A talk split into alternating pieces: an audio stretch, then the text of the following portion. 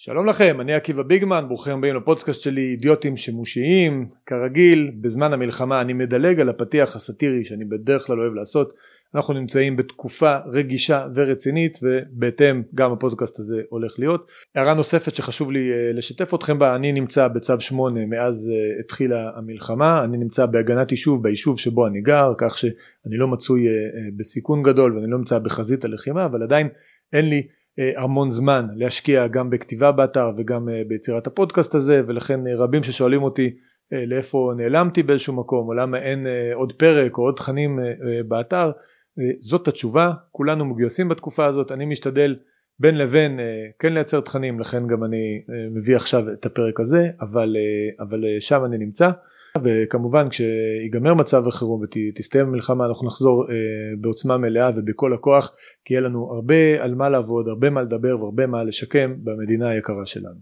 יש לנו היום הרבה דברים מאוד מאוד מעניינים אנחנו נזכור את כשלי הקונספציה שמקיפים את כלל המערכת השלטונית והביטחונית שלנו גם הפוליטיקאים נתניהו בנט לפיד גנץ כולם אה, כשלו בקונספציות האלו וגם ובעיקר ראשי המערכות הביטחוניות כל הדברים האלו חשובים. אסור שאיש יחמוק מאחריות על מה שקרה בשביל לאוקטובר ואסור שאיש יחמוק מהשאיפה לתקן ולשנות את הכשלים שהובילו אותנו לשם.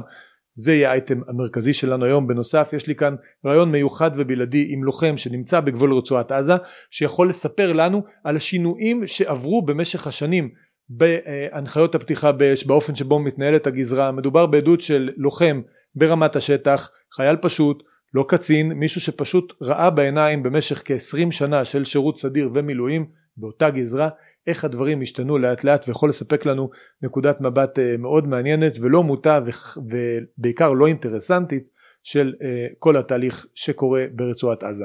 אז אני מודה לכם שאתם אה, מאזינים לי, הפרק הקודם שעסק גם הוא במלחמה הגיע לאלפים רבים מאוד מאוד של צפיות, קיבלתי גם המון תגובות אני מודה לכם על זה. אני מזכיר לכם מי שרוצה לתמוך בפודקאסט שלי ולתמוך באתר מידע אנחנו פועלים לפי עקרון חמשת המ"מים מנוי מגיב משתף ממליץ מחבב החשוב מכולם כמובן הוא מנוי. תיכנסו לקישור כאן בתחתית הוידאו תעשו מנוי לידיוטים שימושים באתר מידע. זה מאפשר לי להמשיך לייצר את התכנים הללו מאפשר לאתר מידע אה, להמשיך לעבוד וכמובן שאר הדברים מאוד מאוד חשובים להגיב לוידאו הזה לשתף אותו ברשתות החברתיות אה, לדרג להמליץ ולדרג בצורה גבוהה גם בפלטפורמת הפודקאסטים וגם ביוטיוב וכן הלאה זה עוזר לנו להגיע לקהלים אחרים ובזכות הפעולות הקטנות האלה שלכם התוכן שלי אה, מצליח להגיע מאוד מאוד רחוק וזה שלכם כמו שזה שלי ואני מודה לכם על זה. תכף אנחנו מתחילים.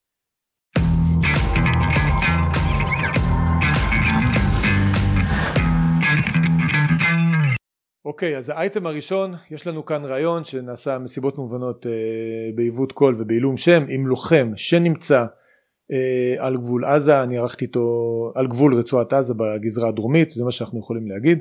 אני ערכתי איתו ראיון בזום אנחנו עוסקים בעצם בפרספקטיבה של 20 שנה של מה השתנה ברצועת עזה בהתנהלות של הצבא בהנחיות ובנהלים ובפקודות ובכלל בתפיסה האסטרטגית של הגזרה. אבל חשוב יותר מכל הוא חושף בפנינו משהו שכבר אה, פורסם השבוע באתר מידע שאפילו עכשיו בעיצומם של ימי, של ימי הלחימה הצבא מחזיר את אורות הפתיחה באש לאחור ומאפשר לכל מיני כביכול אזרחים תמימים או פעילי חמאס בלבוש אזרחי אה, שוב להתקרב לגדר שוב להסתובב שם בקרבה מסוכנת לגדר. אה, חיילי צה"ל לא יורים בהם על מנת להרוג יורים בהם על מנת להרחיק אנחנו נשמע את הדברים אה, ממנו. הנה הרעיון המשודר. טוב בואו נתחיל מהדבר האחרון בעצם. בימים האחרונים יש לכם איזשהו שינוי באורות הפתיחה באש. תספר לי מה היה כשהגעתם לקו בצו 8 אחרי הטבח של השביעי באוקטובר ומה השתנה בזמן האחרון? אנחנו הגענו, אנחנו קפצנו עוד בשבת עצמה של אה, השביעי באוקטובר, אה, זה אומר אה, שכבר בעשר וחצי בערך התחלנו לקבל הודעות שצריך להגיע לימ"חים שלנו. הגענו לימ"חים יחסית די מהר, כוחות ראשונים כבר היו שם 12 וחצי, אחת, אה, כוחות ראשונים היו מוכנים לצאת לגזרה אה, עם אה, צאת השבת, אחת.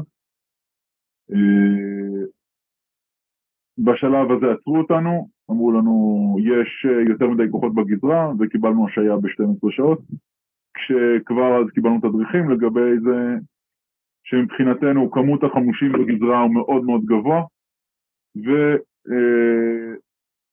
אה, אמנם שאין דוצים, כי החשש הגדול פה הוא מדוצים, אבל מבחינתנו כל, אה, זה ירי על מנת להרוג. לאחר שבוע אנחנו עברנו וקיבלנו כאן מוצב, ואנחנו אה, קיבלנו הוראות אה, אה, להשגיח פה בעצם על מה שנקרא שעון חול, אנחנו מחזיקים את השעון חול, את הפרימטר. אתם מחזיקים את הגבול אה, בעצם. אתם עכשיו שומעים כן.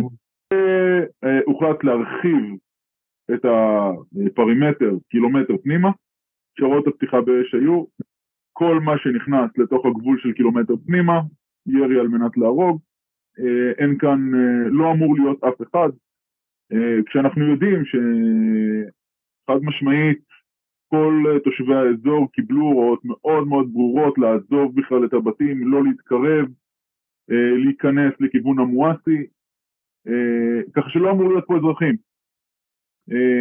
לפני מספר ימים קיבלנו פתאום שינוי בהוראות הפתיחה באש, כשהשינוי הוא שרק אם אנחנו מזהים אמצעי או כוונה, אז לבצע ירי על מנת להרוג, אחרת לבצע ירי להרחקה. זאת אומרת שלצורך uh, העניין אדם שהוא נראה כמו חקלאי או רועה צאן או משהו כזה, אדם לא חמוש, הוא יכול להסתובב נכון. באזור הגדר. יירו לידו כדי להרחיק אותו, יירו uh, מסביבו, לא, uh, לא על מנת להרוג. ובפועל אתם רואים אנשים מסתובבים? אה, יש לנו כל הזמן התראות מסביב, אנחנו רואים אנשים שמתקרבים לטווחים אה, יחסית קרובים לגדר. לא ראינו עדיין משהו שהתקרב לגדר ברמה של נגיעה, אבל בהחלט במרחק של אה, מאות בודדות של מטרים. זאת אומרת, יש שחיקה מתמדת בעצם בהגנה על הפרימטר.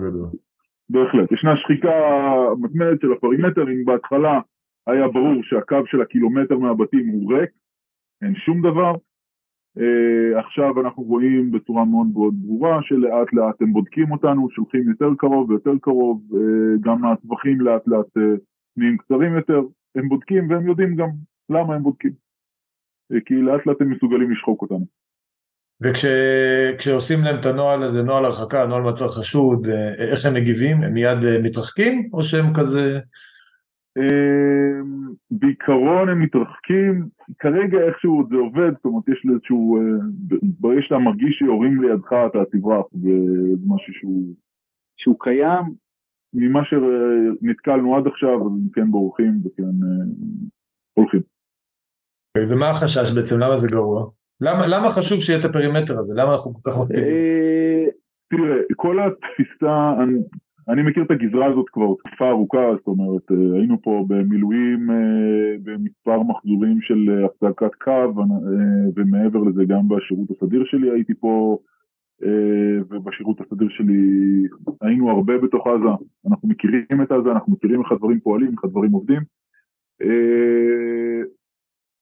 זה חבר'ה, הפלוגה הזאת זו פלוגה עם הרבה ניסיון בעזה. אני קצת אספר לך מה היה מבחינתנו בתקופה, בתקופות השונות. אה, היינו באזור פה בשני מחזורי פעילות שונים. פעם אחת אה, באנו, זה היה, זה בערך בתקופה של אה, גלעד שליט, של החטיפה, של, קצת אחרי החטיפה של גלעד שליט. הייתה כאן דריכות מאוד מאוד משמעותית בגזרה, זה היה לפני שהמציאו את הגדר ולכן uh, הדריכות הייתה קבועה. Uh, היה כאן uh, עיבוי של עמדות, היה הקפדה על מה שנקרא זמן גשר או כוננות עם שחר, היה הקפדה על נהלים והיה ברור ששום דבר לא, לא נותנים להתקרב בכלל לקו המגע. כי לא רק זה שהוא יכול להיפרץ, הוא די בוודאות אה, ייפרט אם אה, ניתן לדברים לקרות, וההגנה המרכזית שיש לנו היא באש. אה, לאחר בערך עשר שנים היינו עוד פעם פה בכרם שלום, וזה היה פשוט שינוי מן הקצה אל הקצה של תפיסת ההגנה פה במרחב. ברגע שנכנס הגדר ותפיסת החזקה פה, הייתה מסביב לגדר, תלות בגדר, היו שני שינויים מרכזיים, אחד זה מבחינת התפיסה הקונספטואלית, אחד זה שההגנה עצמה הייתה קודם כל להגן על החיילים עצמם, זאת אומרת אם עכשיו יש פצמ"רים, החיילים צריכים לברוח למרחב מוגן ולהגן על עצמם, כי אנחנו סומכים על הגדר, הגדר תגן, הגדר תשמור, אה, ומה שצריך רק להגן על החיילים, שלא יקרה להם שום דבר. אה, התפיסה הזאת בסופו של דבר אנחנו רואים שהובילה לזה שחיילים רצו והתחברו והמחבלים אה, נכנסו בלי שום בעיה. מהצד השני, התלות הזאת בגדר, אנחנו יודעים שעוד כשעשינו את האימונים בבאף דרום, אז אנחנו בתור מילואימניקים שאלנו שאלות, בדקנו, אמרנו אוקיי, עשינו את כל התרגילים מסביב לגדר דמה, עכשיו בואו נשאל מה הנקודות תורפה של הגדר הזו, כי אנחנו צריכים אה, לסמוך עליה. אה, ושאלנו, אוקיי, מה עובר את הגדר? אז טרקטור כן? כן, טרקטור חודר את הגדר. אה, מטען, באיזה גודל של מטען, אז מדובר על כמה קילוגרמים בודדים. אה, מסוגלים אה, לקרוע את הגדר.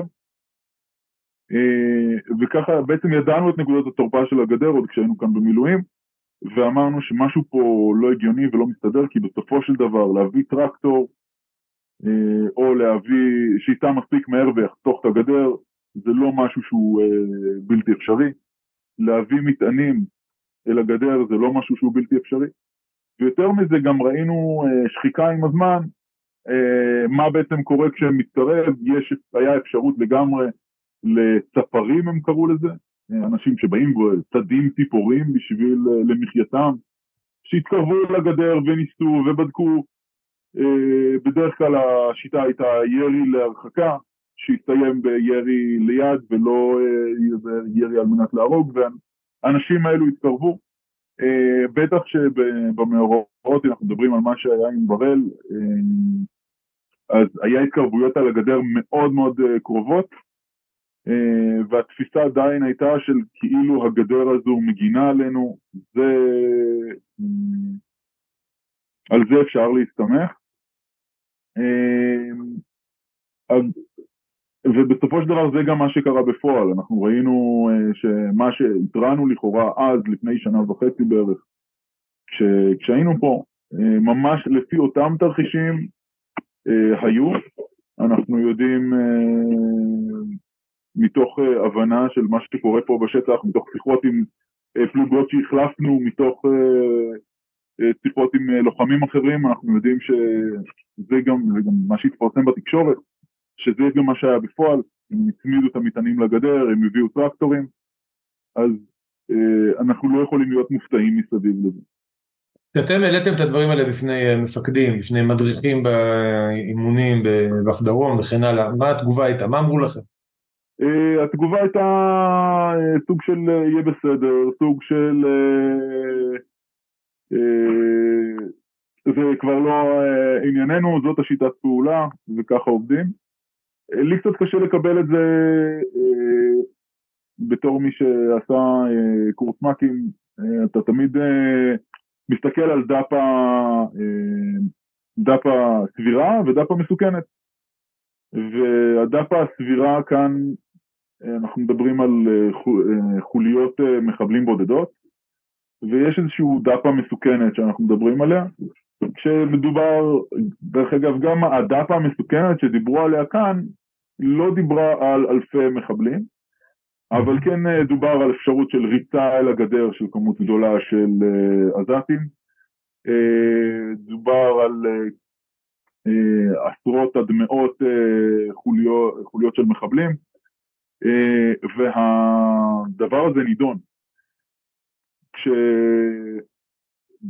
כשהדאפה הסבירה זה משהו שאתה יכול ברמתך, ברמת המחלקה, ברמת הכיתה לטפל. הדאטה המסוכנת זה משהו שאתה צריך ברמת האוגדה לחשוב איך אתה יוצר עתודות, ולא היו פה עתודות. אנחנו מדברים על אותו אה, שבעה באוקטובר, לא היה כאן הכנה של עתודות מאחורה, אה, או חטיבות כלשהם שאפשר להקפיץ. אם אנחנו משווים את ה...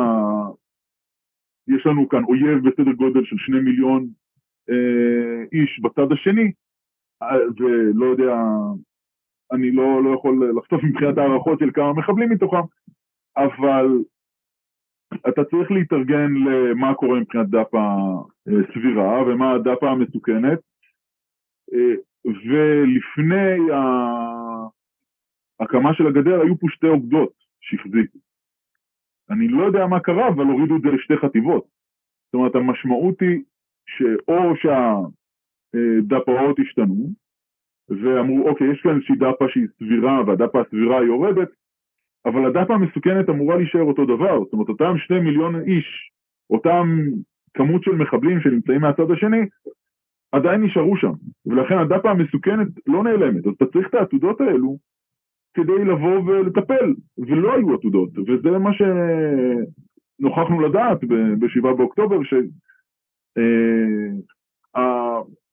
פה קורא לעזרה, ומי שמצליח לקפוץ זה רק יחידות מיוחדות בכמויות קטנות, ומה שהיה צריך להיות פה זה איזושהי שתיים שלוש חטיבות שמסוגלות לקפוץ ולעבות את השטח ולכבוש את השטח מחדש במקרה כזה תוך שעתיים, שלוש, אה, אם אנחנו מדברים בסדר גודל של עתודה, אה, וזה לא מה שהיה פה, ובעצם הפקירו אה, את התושבים במובן מסוים לטובת חיי חיילים, במובן מסוים בגלל ניהול לא נכון של השטח, ניהול לא נכון של דפאות ושל עתודות,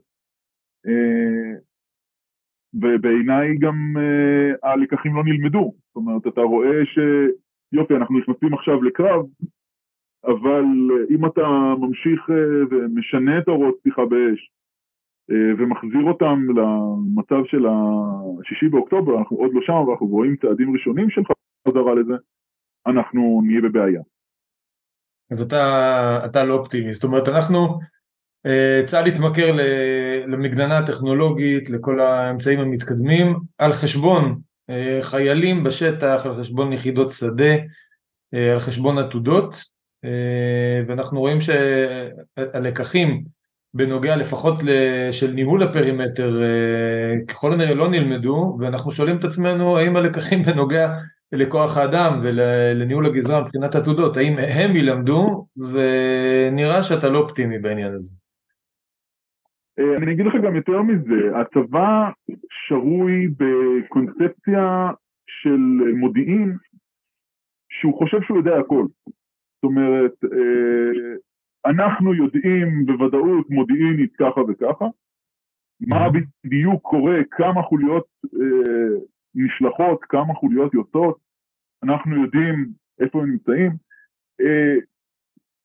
זה, זה, זה מאוד מאוד קשה לקבל את זה, בטח בעקבות הכישלונות, אה, ועוד יותר בעקבות אה, ידיעות ש, שהורידו אמצעים מודיעיניים, ובעצם פחות אה, דגמו את האויב. מה שהוביל בסופו של דבר לחוסר ידיעה, ואז עם המשתנים החסרים האלו, להמשיך להיות כל כך בטוח במודיעין שלך, ועל סמך זה לקבוע איך אתה מתנהל בשטח, זה קצת קשה. מה שאותי לימדו בתור חייל זה שאם אין לך מידע מודיעין, אתה הולך לפי הדפה היותר מסוכנת, לא הייתי קורא לזה דפה מסוכנת כי זה מונח, אבל היותר מסוכנת היא בין הדפות האפשריות כדי להיות מוכן לסיטואציה כזאת. למשל, אה, אני יכול להגיד לך שבכל המוצבים הייתה הוראה שכוננות עם שחר קיימת אך ורק על פי אה, התראה מודיעינית. אבל איזה מין התראה מודיעינית תבוא אם אתה הורדת את האמצעי מודיעין שמדברות על זה, שמדברים על זה. עכשיו היה כאן אה, תצפיתניות שזיהו, שדיברו, ועדיין החבר'ה לא היו מוכנים בכוננות עם שחר.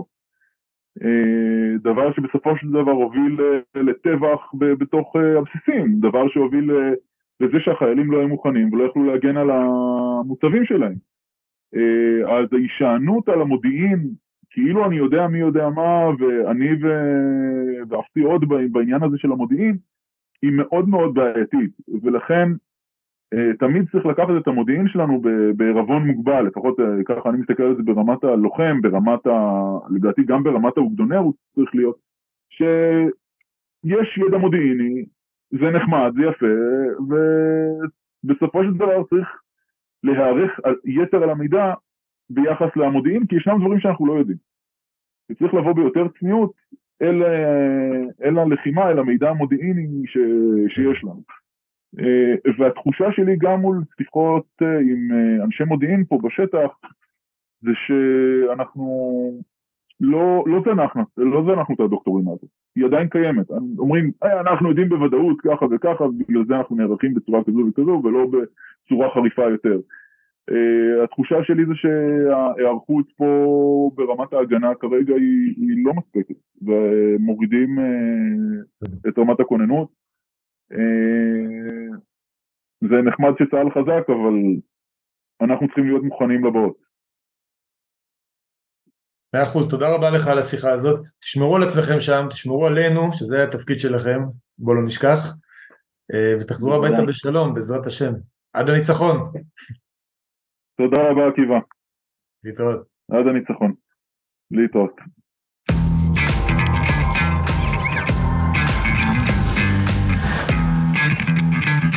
עכשיו אנחנו נעבור לאייטם העיקרי שלנו ליום, מדברים הרבה על קונספציות שנשברו ועל אחריות ואשמה של אה, כל מיני מנהיגים. אני הלכתי לבדוק את הדבר הזה, אמרתי כבר כמה פעמים שנתניהו כראש ממשלה אוחז באחריות ובחלק מהנושאים גם באשמה למחדלים הללו. למחדלים הללו אבל נתניהו לחלוטין לא לבד וחשוב מאוד להבין את זה. אתם תכף תראו איך כל בכירי המערכת שלנו כל הפוליטיקאים שלנו וכל הקצינים הבכירים בצבא שותפים באופן מלא לשלושת הקונספציות העיקריות שהובילו אותנו אה, לשביעי באוקטובר. הדבר הזה חשוב מאוד כי מי שחושב שכדי לתקן צריך להזיז איש אחד מימין או משמאל בכך המערכת אה, תתוקן טועה לחלוטין. לפחות שלוש קונספציות ביטחוניות קדמו לטבח השביעי באוקטובר. אפשר לחלק אותן לאלו שנוגעים לזירה מול חמאס ורצועת עזה ולתפיסת הפעלת הכוח הצה"לית הכללית. כפי שנראה להלן, כל אחת מהן הייתה מצויה בקונצנזוס כמעט מלא בכל ההנהגות הפוליטיות והביטחוניות של ישראל במשך לפחות כ-10-15 שנים האחרונות. שלושת הקונספציות הם כך הראשונה דוקטרינת ההרתעה דגש על הרתעה מול אויב הייחוס בעיקר חמאס וחיזבאללה זו תפיסה שראתה ביצירת ההרתעה התודעתית את המטרה המוצהרת של המבצעים הצבאיים ולפיכך ויתרה על ההשמדה כמטרה צבאית. הקונספציה השנייה נקראת תפיסת האחריותיות עמדה לפיה אם לאויב, חמאס או חיזבאללה, יש אחריות על אזרחים ועל חבלי ארץ, יש להם מה להפסיד, ולכן הם יפעלו משיקולים רציונליים הדומים לשיקוליה של מדינה רגילה, ולא שיקולים של ארגון טרור. במסגרת הזאת נכללת הטענה הרווחת ששלטון החמאס בעזה דווקא היה טוב לישראל. והקונספציה השלישית, הסתמכות על טכנולוגיה והקטנת כוחות היבשה. האיומים על המדינה לא מצריכים לפי זה צבא יבשה גדול ורחב ולפיכך ניתן להקטין את כוח אדם הצבאי, להסתמך על טכנולוגיה, מודיעין וחיל אוויר. בהקשר של עזה מדובר בהדרת פרויקט הגדר הטכנולוגית בגבול הרצועה. הקונספציות הללו שלובות ומגבות זו את זו והן המרכיבים ממנה רוקחים את תפיסת הביטחון הכללית שהנחתה את ישראל בתקופה האחרונה. הן הנחו את כלל המערכת השלטונית שלנו במשך כשלושים שנה לפחות. איש מהבכירים בתפקידי מפתח לא חף מאשמה. לא הממשלות בראשות נתניהו, בנט ולפיד, לא מערכת הביטחון בראשות הרמטכ"לים האחרונים, לא גופי הביטחון והביון, לא מכוני המחקר ובוודאי שלא התקשורת. הפרדיגמות השליטות השתרעו מקיר לקיר ולכן כל מי שערער עליהן או פקפק בנכונותן הוקע כקיצוני, אלרמיסט ותימהוני. כעומק הקלקול, כך גם עומק התיקון הנדרש, והוא מתחיל בהכרה ברורה בכשל. ולזה אנחנו ניגש עכשיו. הקונספציה הראשונה, הרתעה. ההרתעה וצריבת התודעה כמטרה צבאית היא תפיסה שהשתלטה על החשיבה הצבאית האסטרטגית בישראל כבר מתחילת שנות התשעים וניתן לציין את מבצע דין וחשבון בלבנון בשנת 1993 כנקודת המפנה. במסגרת מבצע זה הופצצו סביבות הכפרים במטרה לגרום לתושבים לברוח צפונה ולהפעיל לחץ על ממשלת לבנון שתפנה מצידה לסורים בדרישה שירסנו, שירסנו את חיזבאללה. בהזדמנות אחרת ראוי להעריך אבל זה כבר מבצע שבו נוצר הדפוס המוכר לנו כל כך מהסבבים האחרונים. אין תמרון קרקעי, במקום להשמיד את האויב השימוש בכוח הצבאי נועד בעיקר להעביר מסרים ולהפעיל מנופי לחץ פוליטיים עליו והמטרה המדינית מושגת באמצעים עקיפים והכלכליים כאשר רוב כוחו של האויב נותר על תילו לאחר הפסקת האש. כל המבצעים האחרונים התנהלו על פי התזה הזו, ונראה שרק עכשיו, במסגרת המבצע הנוכחי בעזה, המלחמה בעזה, צה"ל חוזר לדרוש השמדה. כל בכירי המערכות כיום היו שותפים מלאים בעיצוב וקידום הדוקטרינה הזו ללא יוצא מן הכלל. אנשים כמו צ'יקו תמיר או עופר וינטר שייתכן וחשבו אחרת וביקרו את המערכת מצאו את עצמם בחוץ או בהקפאה. רוצים דוגמאות? בבקשה. להלן רשימה של חלקית של בעלי הקונספציה. נפתח בבוגי יעלון שהוביל את המהפכה בעניינים צבאיים בתוך צה"ל בסוף שנות ה-90 ותחילת שנות ה-2000 בתפקידיו גם כאלוף פיקוד מרכז, סגן רמטכ"ל וכרמטכ"ל. יש ציטוטים רבים שלו בנושא הזה אבל אנחנו נסתפק פה בכמה בולטים מתוך ספרו דרך ארוכה קצרה. על מבצע חומת מגן כתב בוגי כך העימות חייב להסתיים בכך שהפלסטינים לומדים שאלימות אינה משתלמת סוף ציטוט וביחס לערפאת סיכם, ציטוט, שהצלחנו לשכנע אותו שדרך הטרור אינה משרתת את העניין הפלסטיני, סוף ציטוט.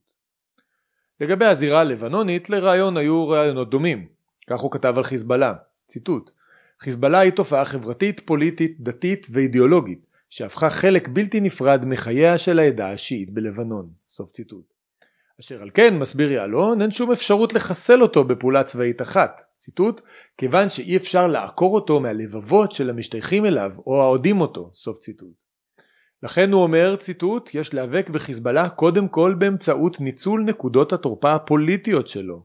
שהארגון ייחלש במידה כזאת שהמערכת הפוליטית הלבנונית תדע איך לטפל בו. סוף ציטוט. לטקטיקה הזו המציא יעלון כינוי מיוחד, לגלום לרקטות להחליד, כלומר לא ישתמשו בהם והם יחלידו. וכך זה אמור לעבוד ואני מצטט. במקרה של מתקפת חיזבאללה בצפון, על ישראל להגיב במתקפה אווירית מיידית, בגיוס מילואים ובריכוז כוחות גדול לאורך גבול הצפון.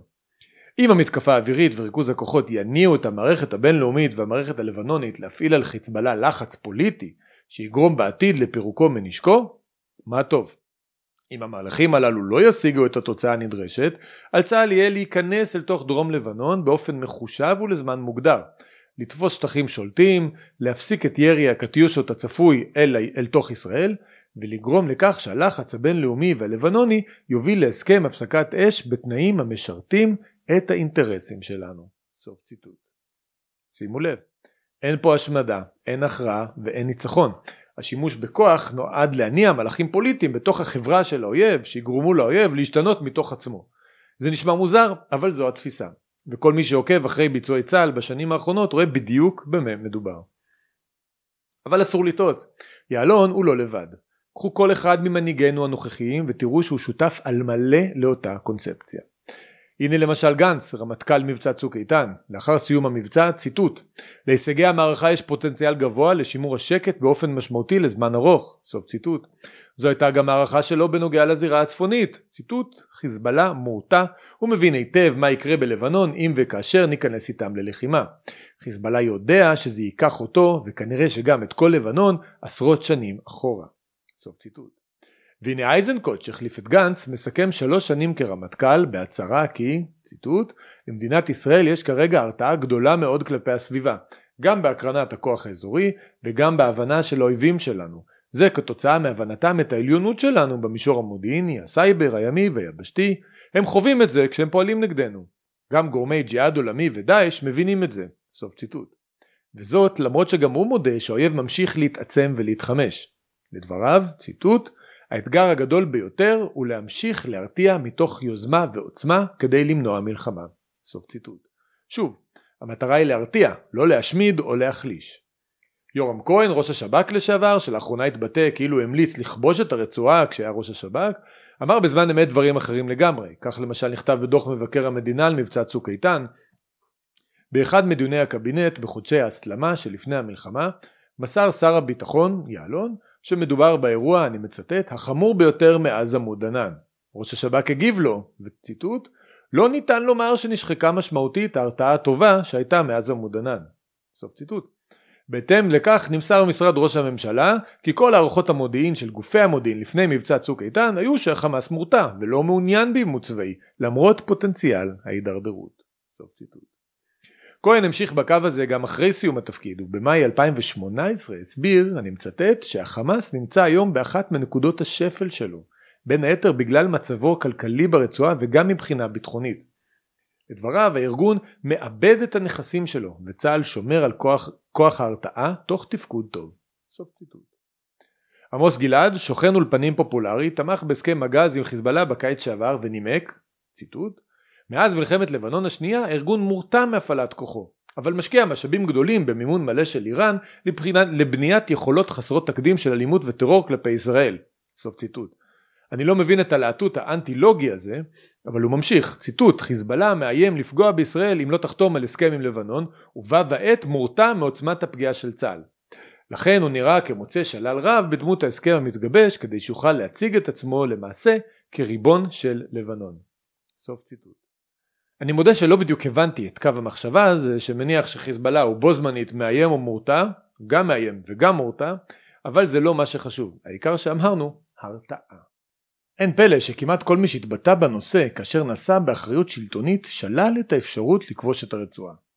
כך גנץ כרמטכ"ל אחרי מבצע צוק איתן, אני מצטט, המבקרים שלי שואלים למה לא כבשנו את עזה. אתם מבינים את המשמעות האופרטיבית של כיבוש עזה? איך עושים את זה? איך נכנסים? איך מתמרנים? איך תופסים? איך מפעילים אש? איך מתמרנים בתוך השטח? איך שוהים בו? סוף ציטוט. הוא שולל את זה על הסף. גם יעלון חשב כך ואמר אחרי המבצע כי לא נכון היה להציב לצבא את היעד למוטט את חמאס. גם לא במחשבה של היום שאחרי, סוף ציטוט. וכך סבר בזמן אמת גם יורם כהן, ראש השב"כ דאז, אני מצטט, אני מסכים עם כל מי שחושב שהמבצע בעזה, שהמצב בעזה הוא בלתי הפיך כיום. ישראל איננה רוצה לחזור לעזה ולכבוש אותה. הרשות לא יכולה לעשות את זה, המצרים לא יעשו זאת, וגם כוח בינלאומי לא יעשה את זה. סוף ציטוט. אביגדור ליברמן, כשהיה שר החוץ ולא צייצן מהיציע, התנגד גם הוא לכיבוש הרצועה. אני מצטט. כניסה לעזה פירושה כיבוש של כל הרצועה וזה קשה. אין טעם לעשות מבצע קרקעי חלקי. כרגע זה לא נכון לקבל החלטה כזאת. יש גם חזית דיפלומטית וגם חזית תודעתית. סוף ציטוט. גם אהוד ברק, שר הביטחון של מבצע עמוד ענן, חשב אותו דבר, אני מצטט אותו, החלטנו שעדיין לא הגיעה עת למבצע רחב מאוד בעזה. ייתכן מאוד שנגיע לזה בעתיד ואחרי שמיצינו את כל שאר האפשרויות. סוף ציטוט. אם כן איש לא רצה לכבוש את עזה כשהייתה חלשה הרבה יותר וצה"ל היה חזק הרבה יותר למרות שזה יכול לפתור את הבעיה ומסיבה פשוטה מאוד למה לכבוש את עזה אם אפשר פשוט להרתיע את חמאס ולגרום לו לשפר את דרכיו הקונספציה השנייה האחריות המדינתית תפיסת ההרתעה מבוססת על פרדיגמה יסודית נוספת, האחריות המדינתית, לפיה ארגוני הטרור שמגיעים לריבונות על שטח יהפכו עם הזמן לארגונים אחראיים המפעילים שיקול דעת רציונלי של ממשלה ריבונית. זאת בשל אחריותם על האוכלוסייה. לפי התיאוריה הזאת דווקא הצלחתם של הארגונים, התעצמותם והתמסדותם מגבירה את האחריות שלהם ומעניקה להם נכסים שיהיה להם מה להפסיד ולכן היא תביא בסופו של דבר גם לדעיכתם.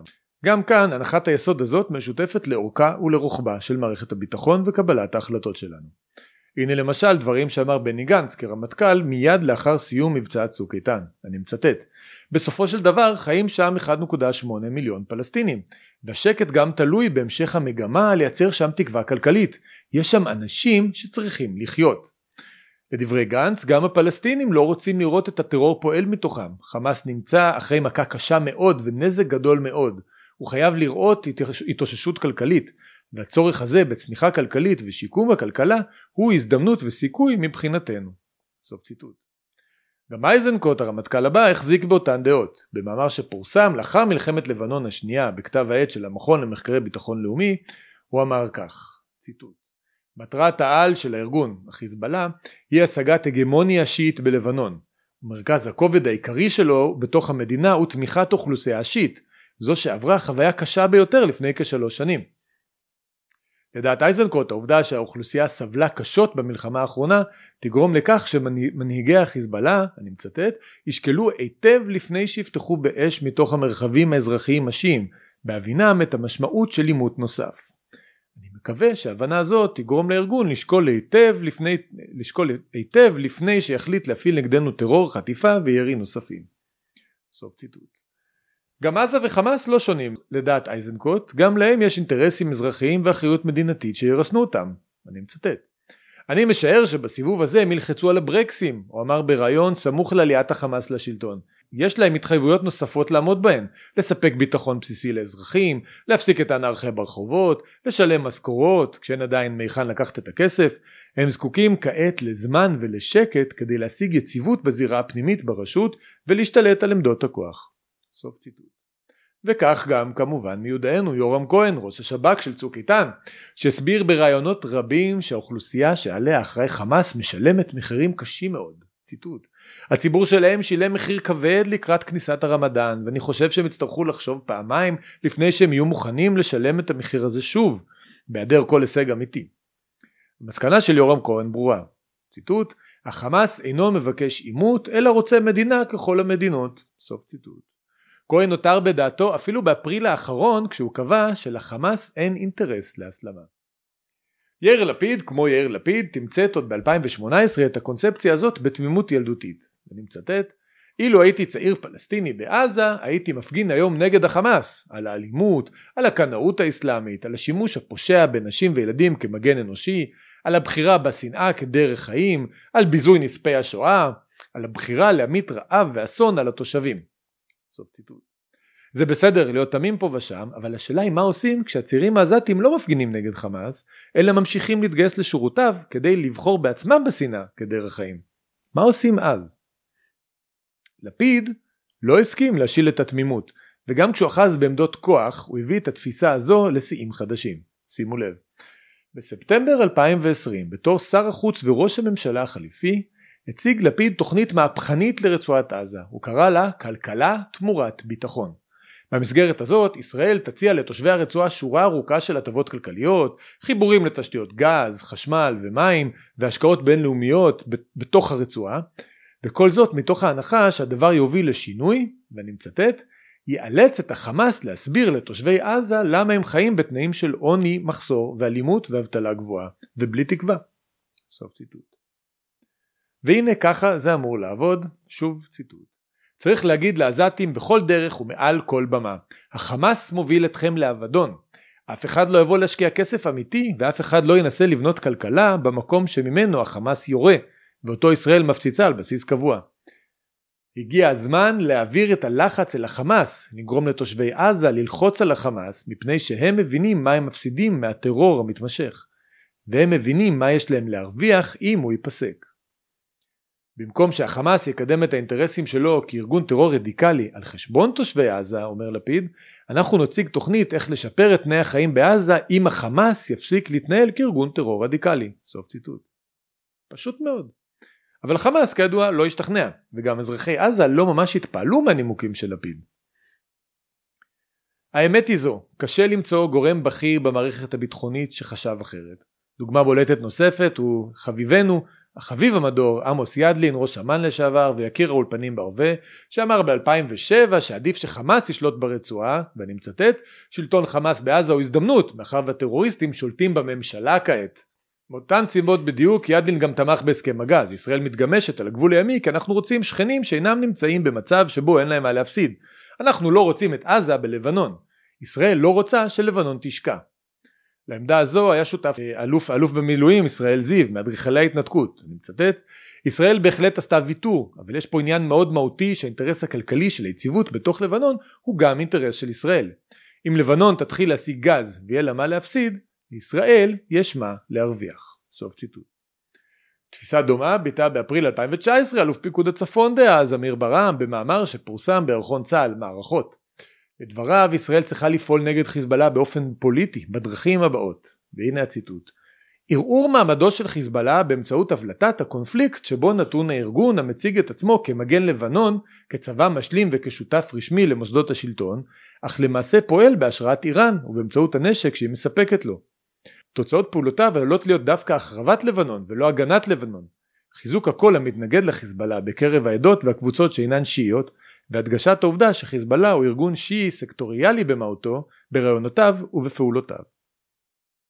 אפילו עכשיו, אחרי פרוץ המלחמה וקריסתן של כל התזות, המערכת הצבאית ממשיכה לנתח את חיזבאללה במונחים של אחריות מדינתית.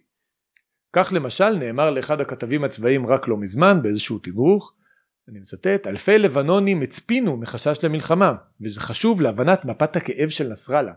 שם האוכלוסייה השיעית היא נקודה רגישה יותר מאשר פגיעה ביכולות צבאיות. פחות אכפת לו אם צה"ל יתקוף מחסן טילים מדויקים או אובדן של יותר מ-40 לוחמים מאז פרוץ הקרבות. הרבה יותר יכאב לו אם יאבד את זהותו כמגן לבנון, בעיקר בקרב העדה השיעית. במערכת הביטחון מעריכים כי זהו מנוף ריסון משמעותי.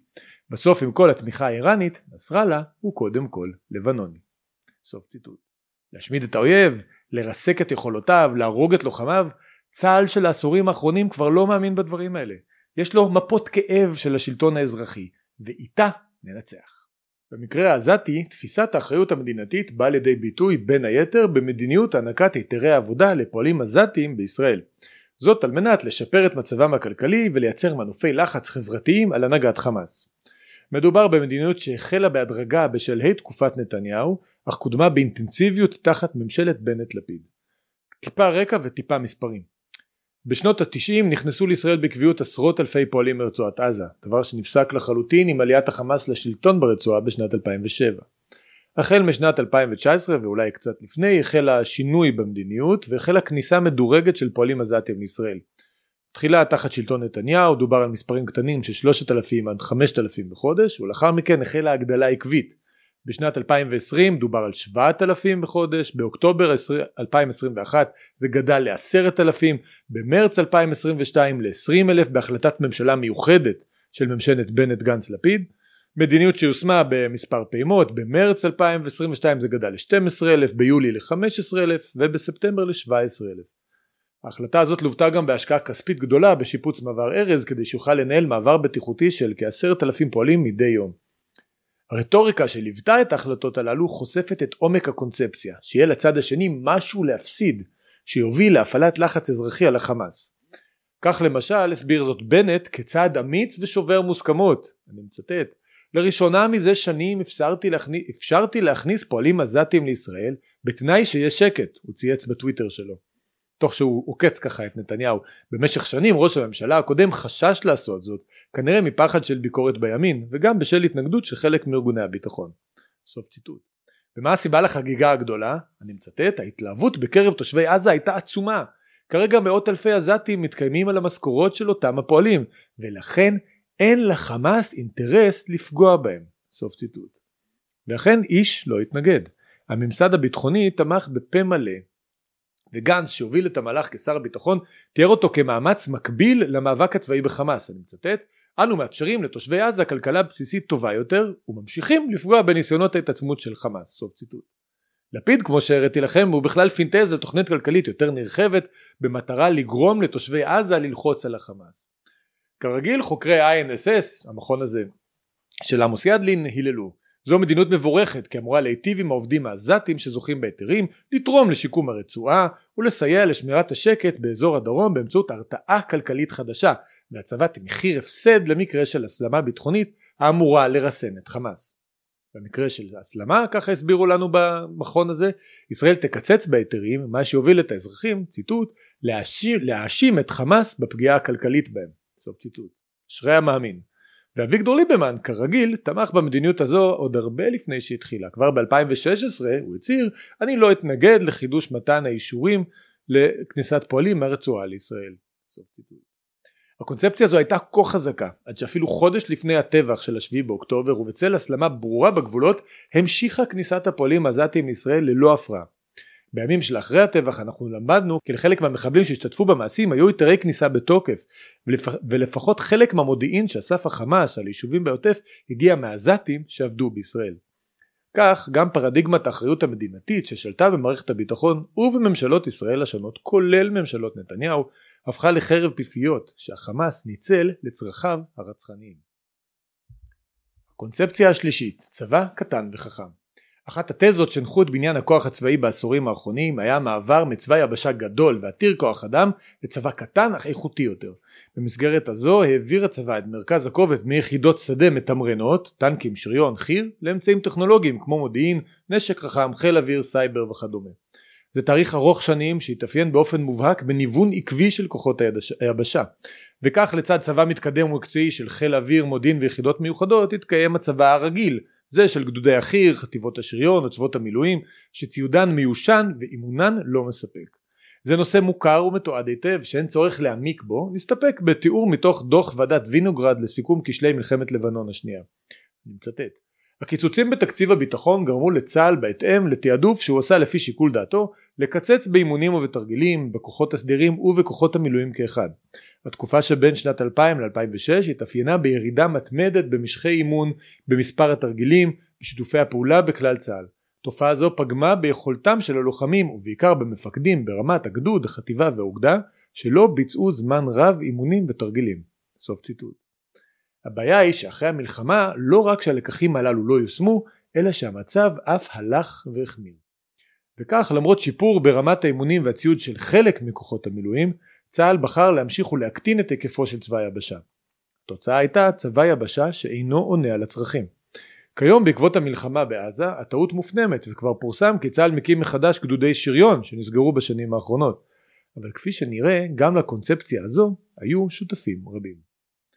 את הביטוי צבא קטן וחכם טבע כבר אהוד ברק כשהרמטכ"ל בתחילת שנות התשעים ותכנן את הסבתו של צה"ל לצבא טכנולוגי אווירי מודיעיני על חשבון צבא היבשה.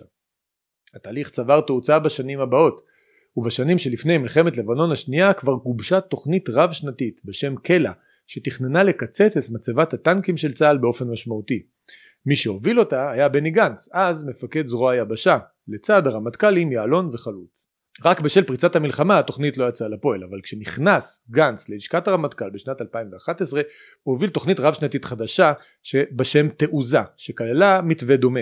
המשאבים הגדולים הוסטו אל יחידות המודיעין, הסייבר, חיל האוויר, וצבא היבשה נותר בתחתית וקוצץ באופן דרמטי.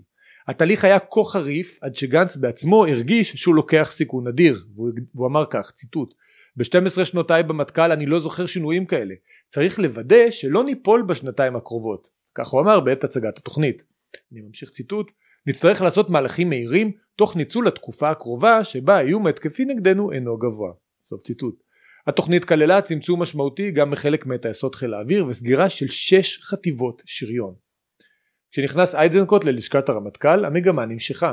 האתגר המרכזי מבחינתו היה המערכה שבין המערכות ובהתאם לכך ההשקעה נטטה לכיוון היחידות הטכנולוגיות, חיל האוויר והמודיעין. התוכנית הרב שנתית שלו נקרא גדעון על שמו של המצביא המקראי שהביס כוחות אויב גדולים מאוד באמצעות כוח קטן ומתוחכם. השם הזה לא נבחר סתם. בהתאם לתפיסתו אייזנקוט הקים את מערך הסייבר, יצר את חטיבת הקומנדו וחיזק כוחות חי"ר קל שנועדו להגן על הגבולות, אריות הירדן וקרקל, והוביל את ההתחמשות במטוס הקרב F-35. מי שנשא בנטל הקיצוצים, כרגיל, היה צבא היבשה. שירות החובה לבנים הצטמצם ל-32 חודשים ולאחר מכן הצטמצם שוב ל-30 חודשים, מה שהביא לצמצום מיידי בהיקף הכוחות הלוחמים בסדיר. יחידות ארטילריה נסגרו, קוצצו תקני הקצונה הזוטרה והוחלט על, שישור, והוחלט על שחרור של 5,000 אנשי קבע, רבים מהם אלו שאמונים על תחזוקת הציוד והלוגיסטיקה של, של יחידות המילואים. במסגרת מה שכונה כשירות דיפרנציאלית של כוחות המילואים הוחלט להשקיע יותר באימונן של שלושת אוגדות החוד של צבא המילואים על חשבון היחידות האחרות ובנוסף על קיצוץ של 100 אלף חיילים בצבא המילואים. נסגרו יחידות שריון, נסגרו יחידות ארטילריה ויחידות נוספות. כמו גנץ לפניו, גם אייזנקוט הבין שצמצום היקפו של צבא היבשה הוא מהלך ריבוי סיכונים, שנטילתם הוצדקה בכך שאנו מצויים כעת, ציטוט, בעיצומו של חלון הזדמנויות אסטרטגי תחום בזמן המאפשר נטילת סיכונים לצורך מימוש ההתאמות הנדרשות במבנהו ביכולותיו ובעיקר בכשירותו. סוף ציטוט. עם סיומה של תוכנית החומש סיכם האלוף במיל יצחק בריק, נציב קבילות החיילים לשעבר, את השלכותיה בביקורת נוקבת. זאת הייתה תקופה שבה בריק התפרסם. לדבריו הקיצוץ בתקני הקבע פגע קשה ברמת ההחזקה של יחידות מחסני החירום של הצבא, בתחזוקת כלי הרכב של מערך המילואים, קיצור השירות פגע בכשירות היחידות הלוחמות, האימונים, ש... האימונים שבוצעו לכוחות היבשה היו ברמה ירודה ולא הטמעו בהם אמצעי לחימה חדשים, ובנוסף עקב אי תחזוקה של מערך המשאיות נוצר משבר חמור בענף הלוגיסטיקה. המצב אחרי אייזנקוט היה כה חמור עד שהרמטכ"ל הבא אביב כוכבי הודה בקיומו של המשבר בהערכת מצב שהתקיימה עם מפקדים ושפרטיה הודלפו לתקשורת. אני מצטט המשבר הנוכחי ובאופן כללי העשור האחרון תנודות המודלים ורמת הכשירות גרמו לסדקים בתחושת הנחיצות ואף באמון של מפקדי המילואים וחייליהם בנו כמוסד אמר כוכבי והודה כי כשירות המילואים היא לא טובה ואינה מספקת. סוף ציטוט. אבל למרות הביקורת שלו גם התוכנית הרב שנתית של כוכבי שנקראה תנופה המשיכה את אותה מגמה. הגדלת, כוחות, הגדלת יכולות ההשמדה והאש של היחידות על חשבון גודלו של צבא היבשה וכשירותו של מערך המילואים התוכנית הציגה מגמה של הגדלה פי שבעה בכמות ובאיכות המטרות שיושמדו לאויב בתחילת המלחמה במהלומת אש אחר מהלומת אש. סוף ציטוט. הוספת מערכים לתקיפות בסייבר ובלוחמה אלקטרונית בשדה הקרב וחיזוק החוד הסדיר באלפי רחפנים מתפוצצים מתאבדים ובטילים מתקדמים. במסגרת הזו הכוחות יקבלו יותר סנסורים ואמצעי גישה שיגלו את האויב. סוף ציטוט. גם כאן ההטיה הטכנולוגית באה על חשבון היקף כוחות היבשה תוכנית תנופה סגרה מספר גדודי שריון וטייסת קרב כאשר הכוונה הייתה לפתוח שתי טייסות קרב חדשות לאורך העשור הקרוב אבל בטווח המיידי צה"ל נותר בחוסר. מערך המילואים לא זכה לטיפול הנדרש חטיבות שריון, חטיבת שריון למשל שהייתה מיועדת להסבה למרכבה 4 נסגרה אוגדת מילואים של פיקוד מרכז נסגרה כדי להקים במקומה אוגדת חי"ר קל ואש חדשה ומתקדמת. גם כאן השינויים נעשו בידיעה שמדובר בסיכון מסוים אך ניתן לעשות זאת ציטוט בשל חלון ההזדמנויות במזרח התיכון שעשוי לדחות את המלחמה הבאה, תקשיבו טוב, בשל אי רצונם של חיזבאללה וחמאס למות עימות צבאי עם ישראל המרתיעה אותם ממלחמה. אותם מנגינות. כך עבר צה"ל תהליך ארוך ושורשי של קיצוץ, סגירה וצמצום בהיקפם של כוחות היבשה לצד השקעות עתק בטכנולוגיות מתקדמות, נשק מדויק, מודיעין, חיל אוויר וסייבר. הקונספציה השלישית באה לידי ביטוי מלא מול עזה בגדר הטכנולוגית שהייתה אמורה להגן על הגבול. מדובר במערך של גדרות ומכשולים מעל ומתחת לקרקע שנועדו למנוע חדירה לישראל ולהסיר אחת ולתמיד את איום המנהרות על יישובי העוטף.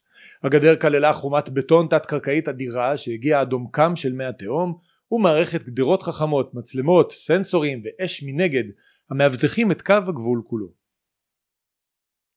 הפרויקט הזה יצא לדרך לאחר מבצע צוק איתן לאור החשש מחדירת מחבלים דרך מנהרות אל יישובי העוטף. נתניהו דחף לבצע את הפרויקט וכלל בכירי המערכת תמכו והיללו אותו בפה מלא. כך אמר בני גנץ שאז שר הביטחון בטקס חנוכת המכשול בדצמבר 2021 לא כל כך מזמן ציטוט המכשול שהוא פרויקט טכנולוגי ויצירתי ראשון במעלה שולל מחמאס את אחת מיכול, מהיכולות שאותנו ניסה לפתח ומציב קיר ברזל סנסורים ובטון בינם לבין תושבי הדרום הקיר הזה מעניק תחושת ביטחון אישי שתאפשר לאזור היפה הזה להמשיך לצמוח. שגרת החיים פה היא הניצחון שלנו והיא, והיא האויב הגדול ביותר של ארגוני הטרור. סוף ציטוט. נתניהו אמר, ציטוט, זהו יום היסטורי, במבצע צוק איתן מחבלי חמאס ניסו לחדור באמצעות מנהרות ליישובי העוטף ולחדרי האוכל של הקיבוצים. המכשול התת קרקעי סביב רצועת עזה כבר הציל חיים רבים. סוף ציטוט.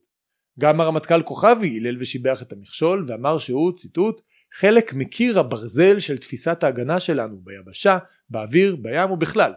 הוא מייצג חשיבה מחוץ לקופסה. הוא מבטא את, אותו, את אותו סוג חשיבה שאנו מחויבים אליה בצה"ל. המכשול משנה מציאות, מה שהיה לפניו לא יהיה עוד. סוף ציטוט.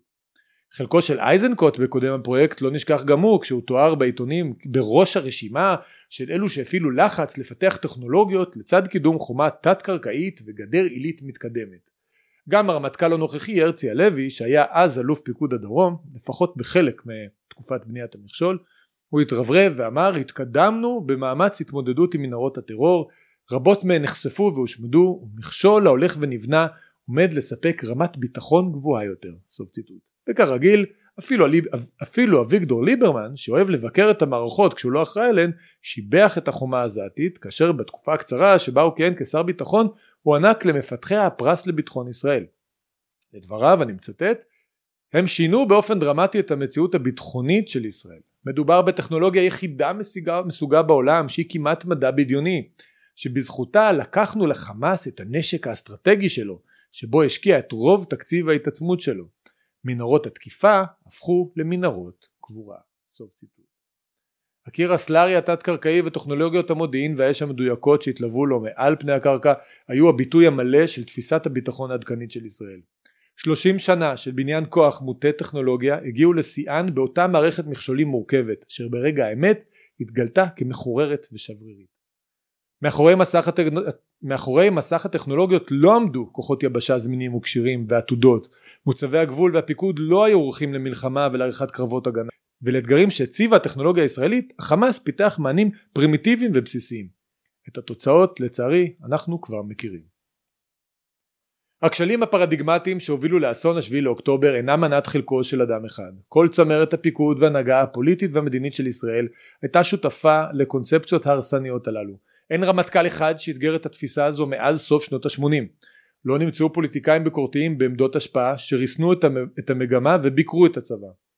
וגם בתוך המערכת הצבאית בקושי נמצאו קולות שונים. מי שהעז לחשוב אחרת ממילא מצא את עצמו בחוץ. הבולט שבהם האלוף יצחק בריק שרבות מתחזיותיו התבררו דווקא כנכונות מוקע ציבורית עד היום הזה. אם יש משהו אחד שצריך לקרות אחרי המלחמה הזו הוא אתחול יסודי של המערכות הביטחוניות שלנו. איש מהאנשים ששימשו בתפקידי מפתח בפיתוח הפרדיגמות הללו ובקידומן לא ראוי להמשיך בתפקידו. לא במערכת הפוליטית ולא במערכת הצבאית. הכשל הקונספטואלי עמוק ורוחבי והתיקון חייב להיות בהתאם. קיומה של המדינה תלוי בכך.